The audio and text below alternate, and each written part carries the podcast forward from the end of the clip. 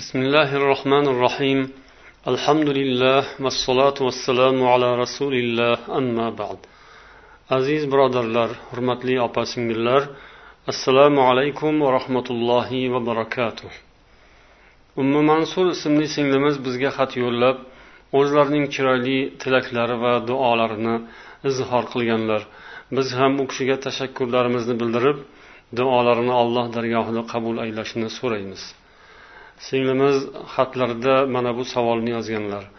Bir muslima singlimning ikkita farzandi bor. Har ikkisi ham operatsiya yo'li bilan tug'ilgan. Kichkina farzandi hali bir yoshga to'lmadi. Allohning marhamati bilan bu singlim uchinchi farzandga homilador bo'libdi. Avvaldagi tug'ruq vaqtida berilgan narkoz ta'siridan jismi behalovat bo'lishi endi to'xtagan ekan. Hali oradan ko'p o'tmay yana homilador bo'lib qolgan.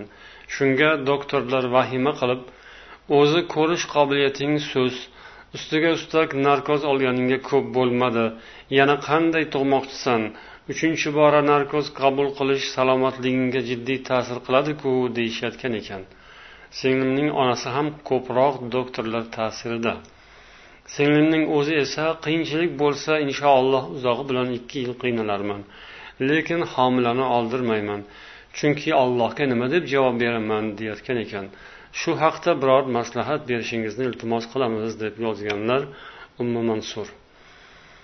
Avvalo bu masaladagi ba'zi ta'riflar bilan tanishib o'taylik. Shariat kitoblarida bolani tushirishni isqot ijhoz ilg'o tarix imlos degan ta'riflar bilan keltirilgan.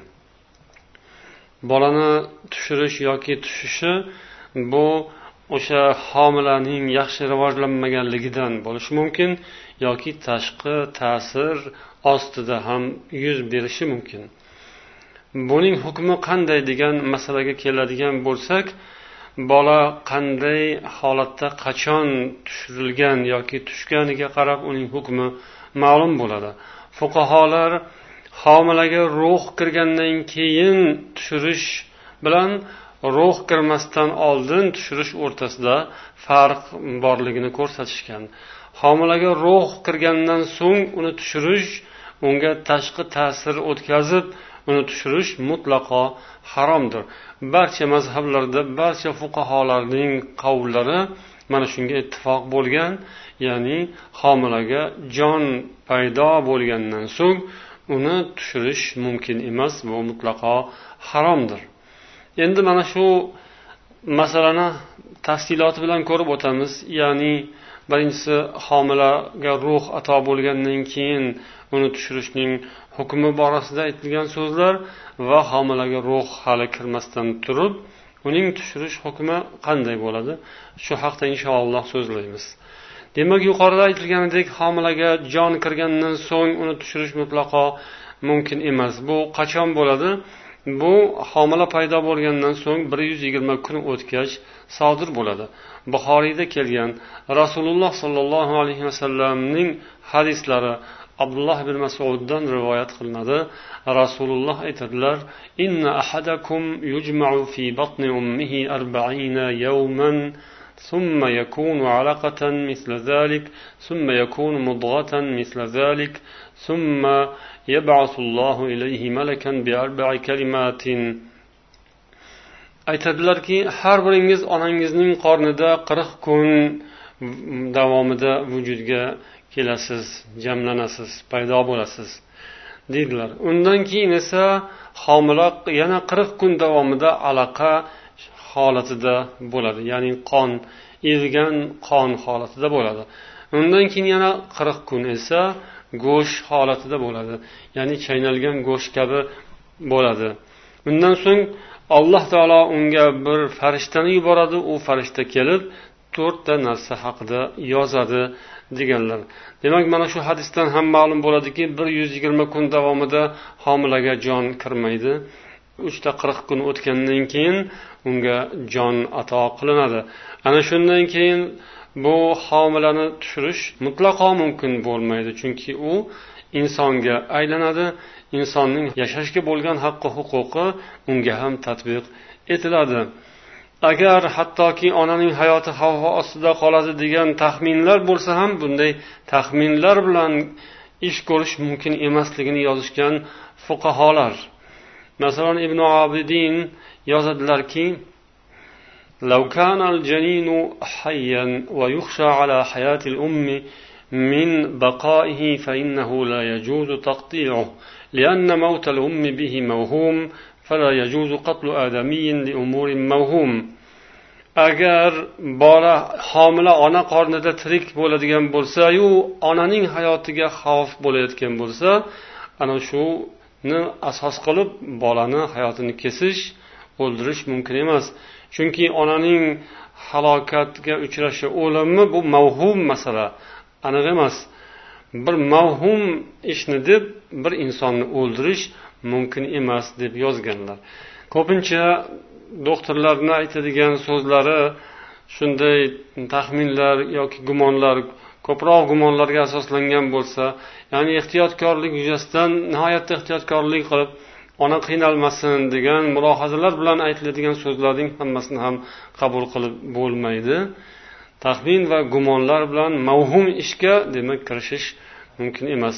Ammo ba'zi ulamolar esa yana ulamolardan aytadilar mabodo bunday xavf xatar nihoyatda aniq bo'lib qolgan bo'lsa ya'ni onaning hayoti aniq xavf u halokatga uchrashi nihoyatda ko'rinib qolgan bo'lsa bunda hukm o'zgaradi. Bu so'zlardan ko'rinadiki bolaga homilaga jon ato bo'lgandan keyin bir yuz yigirma kun o'tgandan keyin oldirish mutlaqo mumkin emas degan hukm deb barchamizga ma'lum bo'lishi kerak.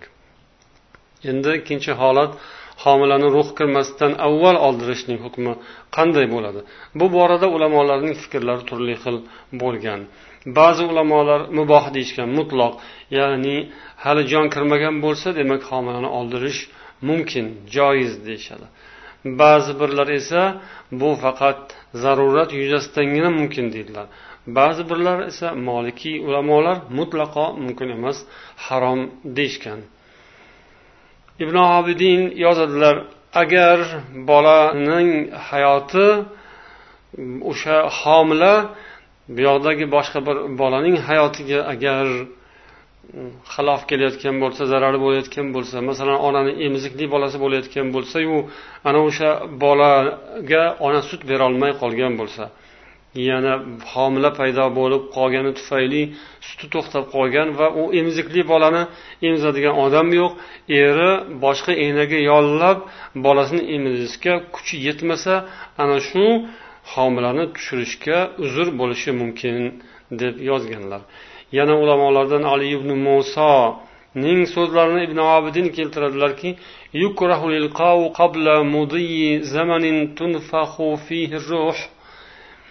ya'ni ruh keladigan ruh ato qilinadigan muddat kelmasdan oldin bolani tushirish makruhdir. Chunki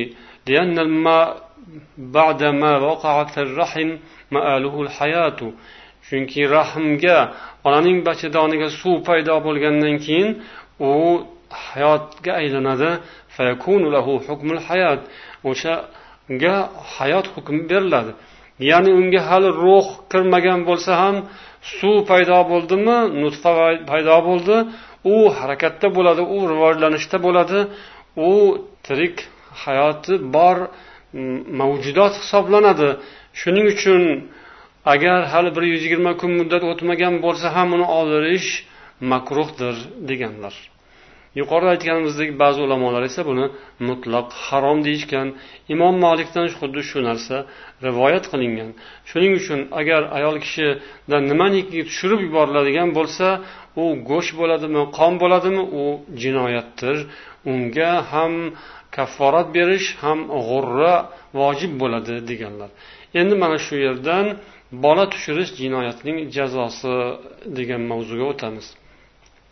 Hozirda yuqorida o'tgan ikkita qismda birinchisida homilaga ruh jon ato bo'lgan bo'lsa uni tushirish mutlaqo harom degan xulosa chiqadi.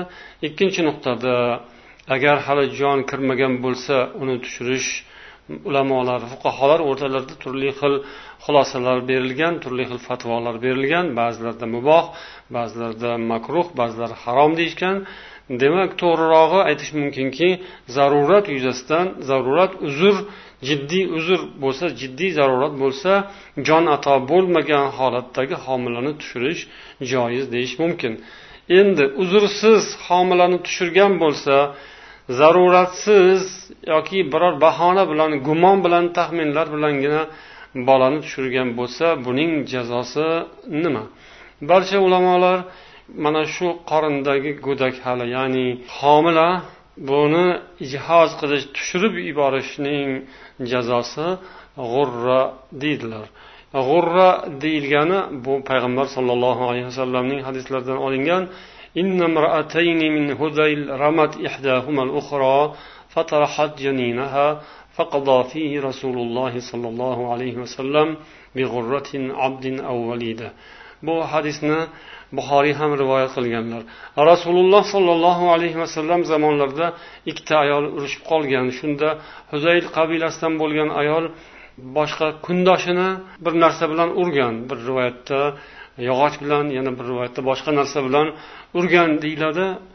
U ayolning homilasi bo'lgan homilasini tashlab yuborgan. Ya'ni homilasi o'lgan. Shunda rasululloh sollallohu alayhi vasallam huzurlariga olib borilgan bu nizoni payg'ambar alayhissalom g'urraga hukm qilganlar. G'urra bu oq narsa degani aslida lug'aviy ma'nosi oppoq narsa otning qashqasi. Bu yerdagi ma'nosi esa bir qulning narxi bahosi vojib bo'ladi.